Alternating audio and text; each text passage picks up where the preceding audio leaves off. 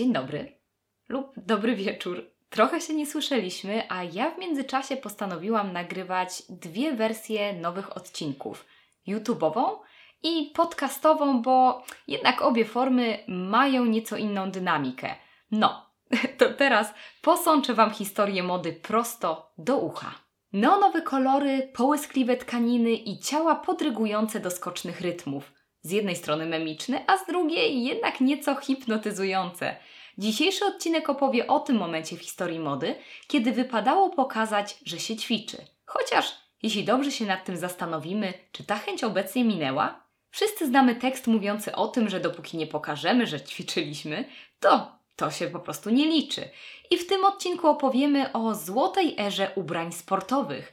Jeśli chcecie dowiedzieć się, co wspólnego z erą aerobiku mają rodzynki, horror i Jane Fonda, o tym już za chwilę.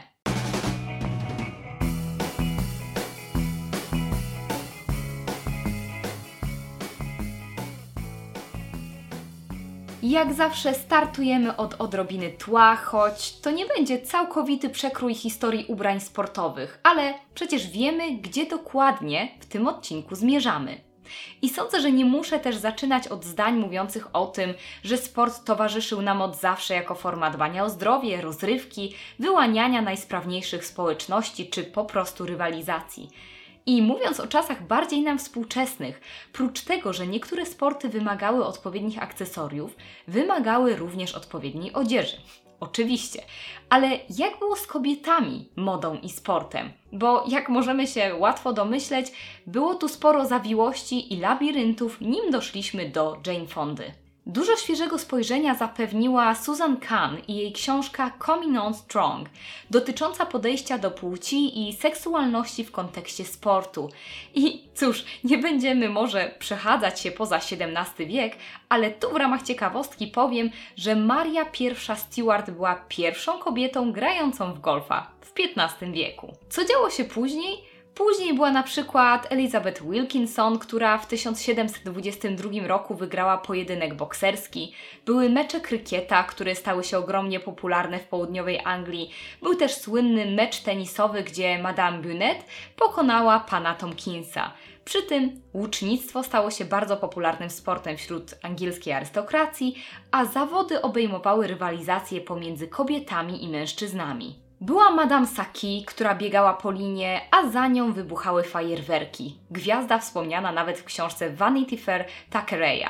Była Anne Glanville, wioślarka, która w 1842 roku pokonała męską drużynę. Można by tutaj recytować kronikę, ale tak naprawdę warto może najpierw spytać, od kiedy sport i związana z nim funkcjonalna moda wśród kobiet stały się akceptowalne. The Sport Journal wspomina o tym, że do okolic 1870 roku zdecydowana większość sportów uprawianych przez kobiety nie miała jasno zdefiniowanych zasad, a co za tym idzie strojów. Sport był rozpatrywany raczej jako fanaberia, rekreacja niż prawdziwe współzawodnictwo. I wspomina również o poglądzie dość mocno zakorzenionym do niemal końca XIX wieku, mam nadzieję, że obecnie nie, mówiącym o tym, że ludzie mają ograniczone zasoby energii.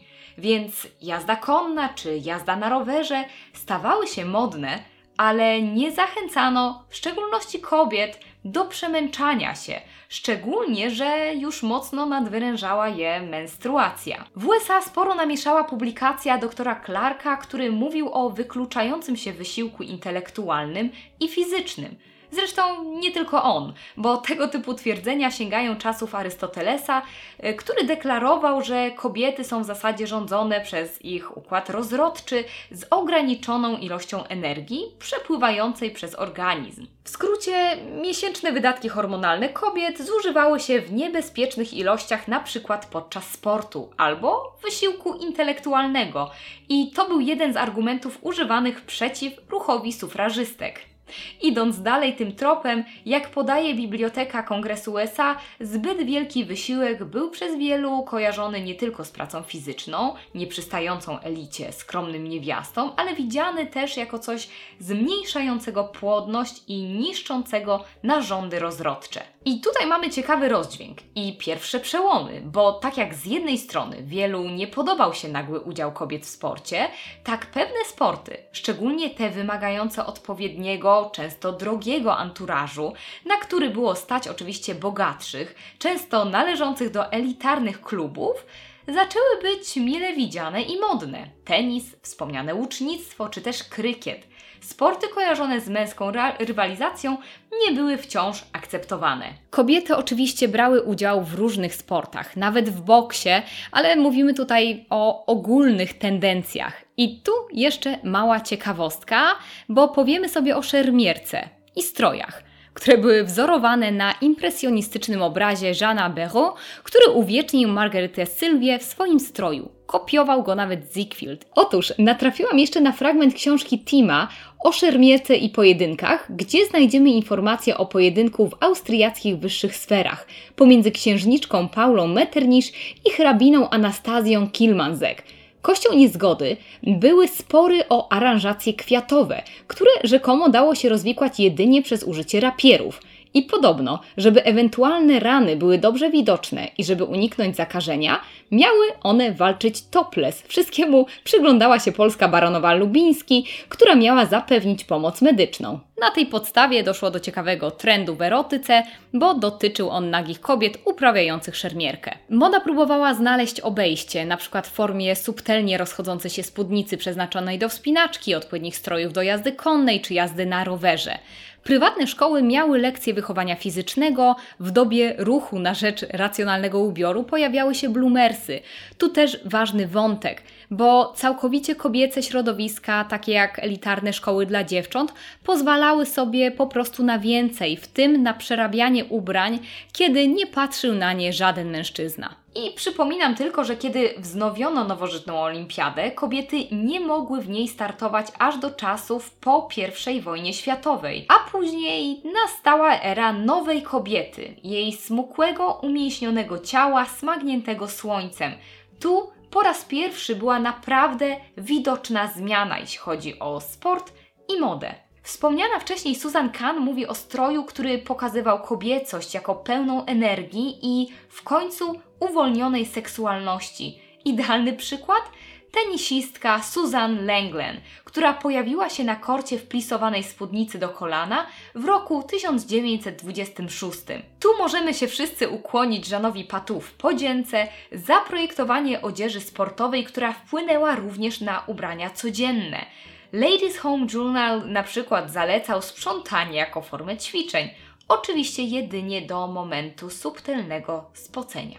A jeśli chodzi o modę sportową w latach 20., bardzo popularna stała się tak zwana midi blouse, która garściami czerpała z nieco takich marynistycznych wpływów, była luźna, miała bardzo mocno zarysowany duży kołnierz. Od tamtej pory, ujmując rzecz w telegraficznym skrócie, stroje sportowe i podejście do niego były odzwierciedleniem kształtujących się trendów. Dla przykładu, w latach 40. wysportowane ciało było niemal jak patriotyczna odezwa. Popularne kroje to na przykład tak zwany playsuit, czyli rodzaj kombinezonu albo shortów i bluzki, często zakrywającą je spódnicą lub sukienką w tym samym wzorze. Wszystko dla skromności. Trend rozciągał się również do lat 50., dopasowując się nieco do promowanych wówczas sylwetek. I pod koniec lat 50. dochodzi do ciekawego twistu, bo do mody przedostaje się trykot, wcześniej znany głównie z sal tanecznych i akrobatycznych, często z paskiem w talii, całość nałożona na oczywiście biustonosze formujące stożkowate piersi. Tu złapmy oddech. Na długo przed Jane Fondą pojawiła się bowiem Debbie Drake. Postać dość mało znana w Polsce, ale bardzo ważna dla anglosaskiej popkultury. Drake jako pierwsza kobieta miała swój własny, codziennie emitowany program fitness od roku 60 niemal do lat 80.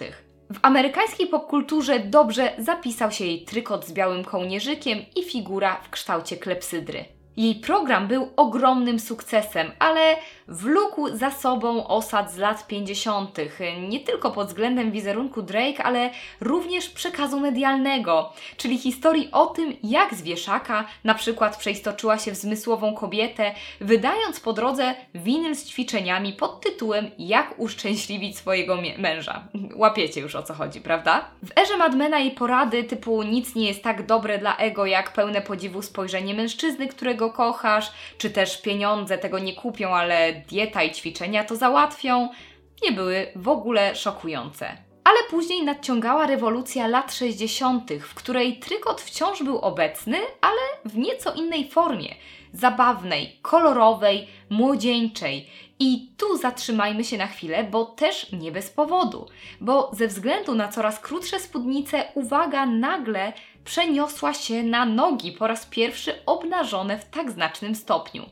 Miały być smukłe i dziewczęce. W tamtym czasie w Kosmopolitanie pojawiła się nawet Audrey Hepburn pokazująca ćwiczenia na rozciąganie w czerwonym trykocie, a jakże, a do tego kryjące rajstopy. Lata 70. przygasiły nieco trykotowe barwy i tutaj możemy znowu pomachać Barbarze Hulanicki i jej kolorom, które lansowała i które nazywała barwami przejrzałych owoców. Aż mamy to, co nas interesuje po tym przydługim, ale mam nadzieję dosyć rozjaśniającym kontekst wstępie.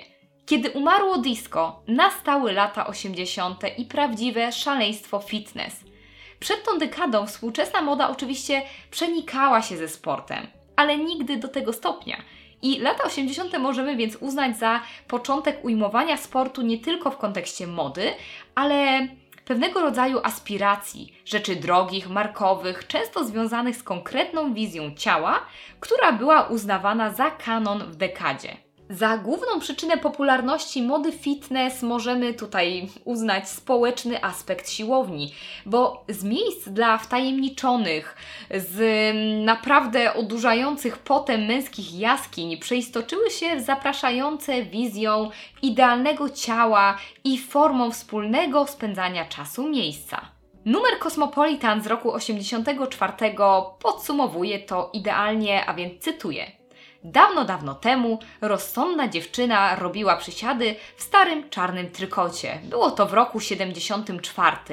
Miała na sobie też postrzępione bordowe rajstopy. W tym wygodnym starym kostiumie czuła się jak w domu. Siłownia była ostatnim miejscem, o którym pomyślała. A w latach 80. rozsądna dziewczyna Kosmo zauważyła, że wszystko się zmieniło. No i właśnie, siłownia urosła do wyobrażenia o miejscu jak bar dla singli i dla pokolenia miejskich japiszonów była kolejnym polem do odhaczenia jako boks o nazwie sukces. Czasopisma zachęcały do sięgania po dobrze widoczne kolory, które miały niemal dodawać siły do wykonywania tych ćwiczeń, a przy tym modelować ciało miksem fluorescencyjnych barw, bo Cóż, no jeden z większych trendów, doskonale wiecie, bielizna zakładana na trykot w kontrastujących barwach. I jeszcze mały cytat z Rolling Stone'a z czerwca 1983. Skoki, kopnięcia i zmysłowe wygięcia to nowy taniec, a instruktorzy ćwiczeń, którzy grają płyty, aby te tańce pulsowały, to disc jockeje. I cóż, siłownie stały się częścią rytuału godowego. Masowe media i teledyski chętnie pokazywały wizerunki ćwiczących, spoconych, ale tylko w ten estetyczny sposób, na samej koszulce, z błyskiem na twarzy. Nastąpił wówczas ogromny wzrost wszelkiego rodzaju poradników, jak schudnąć, jak zmienić swoje ciało, kierując na nie uwagę w sposób, który nie miał oczywiście nic wspólnego z samą radością z ruchu. Dla niektórych badaczy, na przykład dla Bushera, popularność sportowych strojów niejako oddawała właśnie ten zwrot uwagi ku ciału. Zainteresowanie projektantów rosło proporcjonalnie do wydawania nowych VHS-ów z ćwiczeniami. I tu przystańmy na moment przy Jane Fondzie, którą wymienia się jednym tchem przy recytowaniu elementów epoki fitness.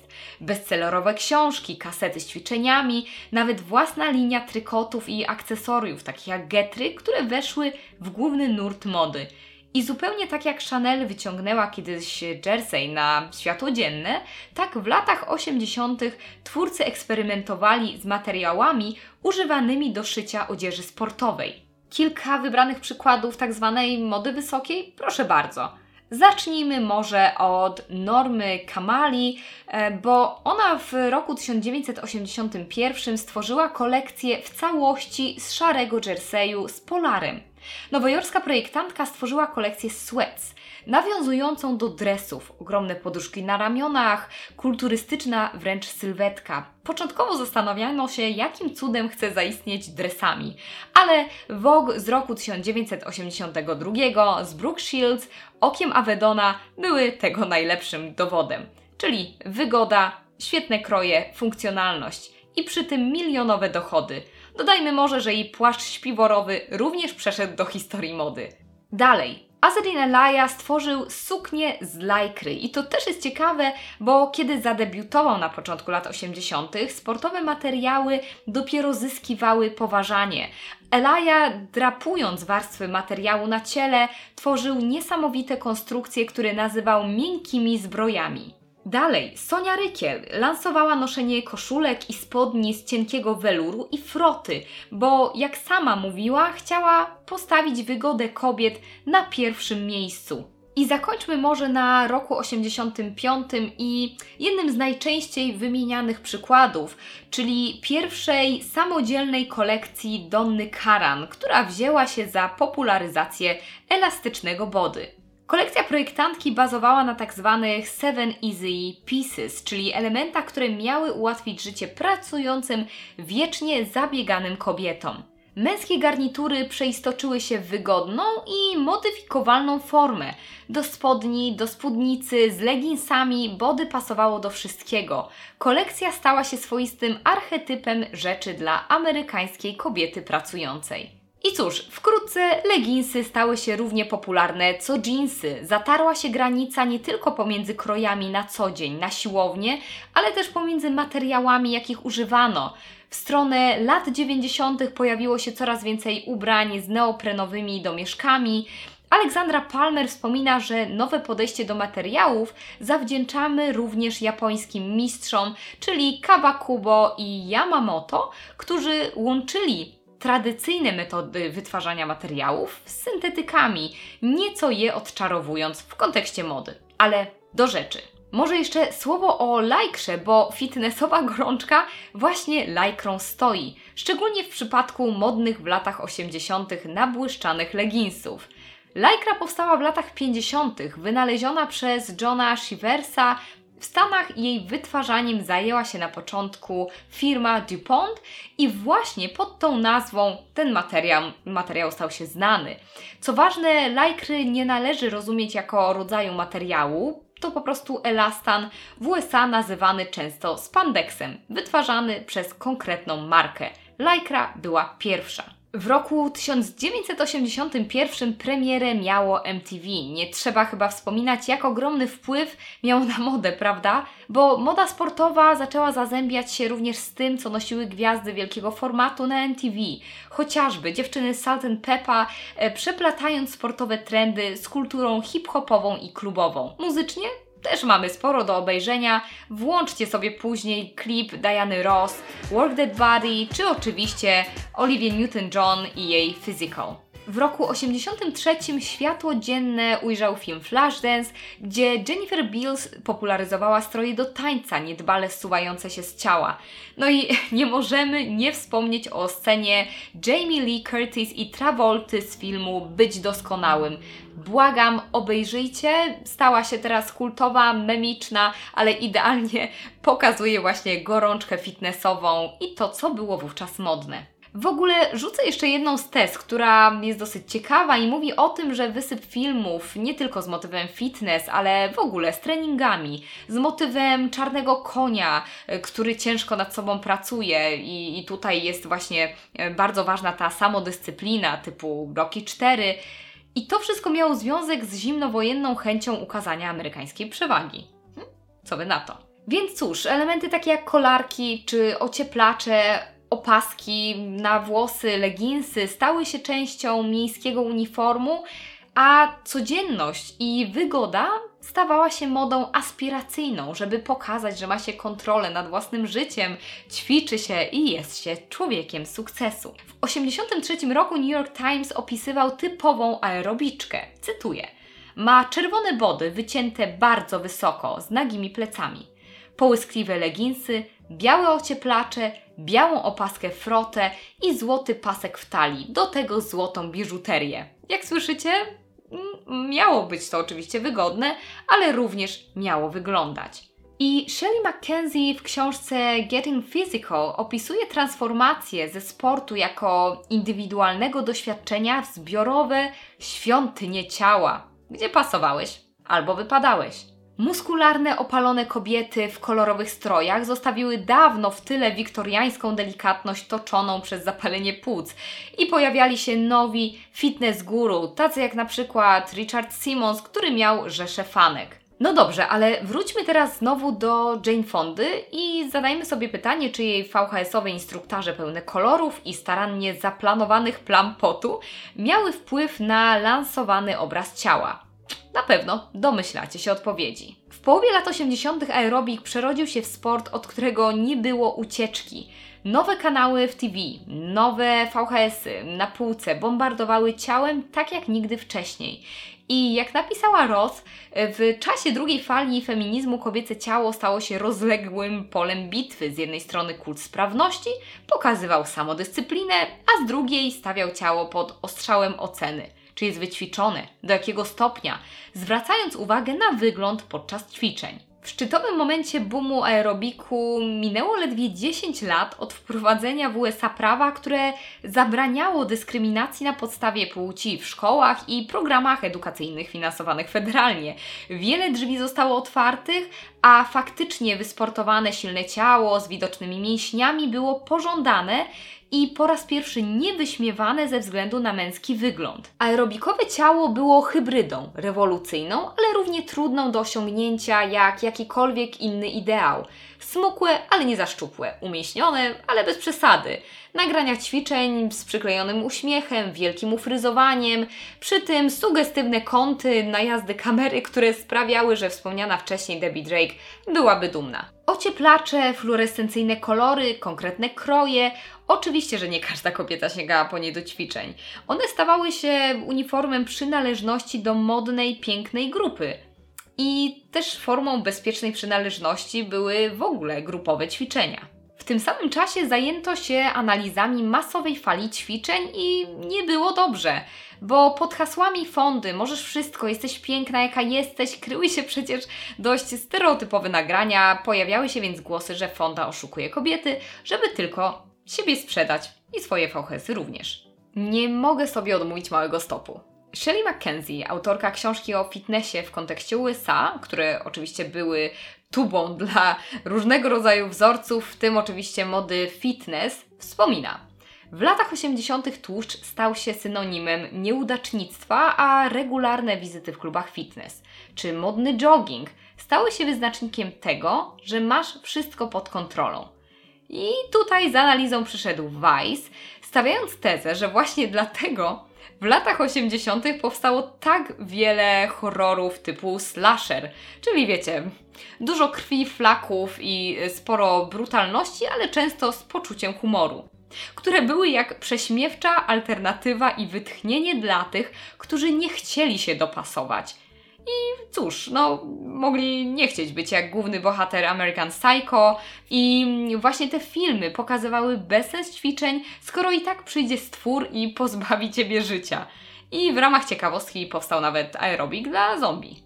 Wiemy już o początkach fitnessowej gorączki, mamy kontekst mody, widzimy jak moda wysoka łączyła się z modą na siłowni, jaki był ideał ciała, ale przecież w pandemicznym czasie też mieliśmy złoty czas dresów i szeroko pojętej mody sportowej, spoglądającej zresztą z nostalgią w przeszłość. Dlaczego? Po pierwsze, zróbmy mały stop. Całkiem niezły serial Physical jest podróżą w czasie do ery fitness.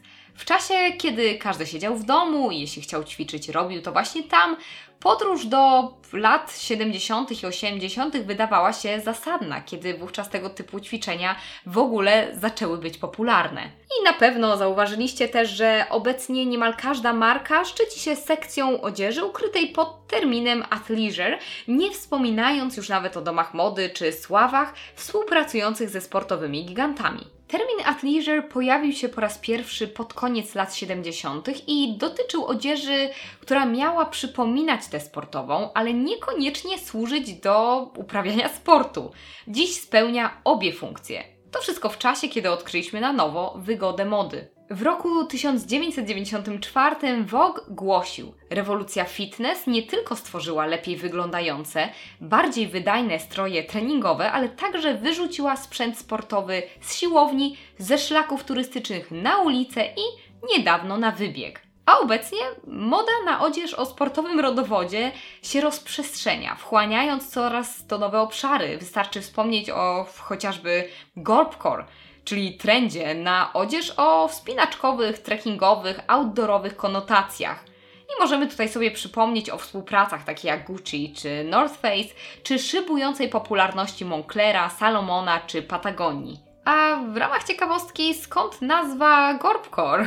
Bo ona jest dosyć świeża i została ukuta w roku 2017 od sformułowania Good Old Raisins and Peanuts, czyli rodzynek i orzeszków źródła energii na szlaku. Taki kolejny core do kolekcji. Forbes przewidywał, że obuwie sportowe w najbliższym czasie totalnie zdetronizuje inne rodzaje, a athleisure będzie plastrem, który umiejętnie połączy kategorie bez względu na wiek, płeć czy zastosowanie. I Chyba powoli dobiegamy do mety. Mam nadzieję, że nie dostaliście zadyszki, ale narodziny mody fitness, wszelkiego rodzaju aerobikowych odniesień ma naprawdę bardzo ciekawy i szeroki kontekst i również mam nadzieję, że przytoczyłam go w miarę czytelnie. Przyznam, że sama stosunkowo niedawno polubiłam się ze sportowymi butami, a do pewnego wieku odzież sportowa kojarzyła mi się jedynie z szelestem ortalionu. Ale cóż, wszystko się zmienia. Jak zwykle jestem ciekawa, który element mojej opowieści Was zaciekawił. Możecie dać mi znać na Instagramie, zawsze bardzo lubię czytać Wasze spostrzeżenia. No a teraz co? Wdziewajcie lajkry, odpalajcie Jane Fondę, która zresztą stała się twarzą tegorocznej kampanii H&M-u. Zdziwieni? Ja zupełnie nie. Do usłyszenia!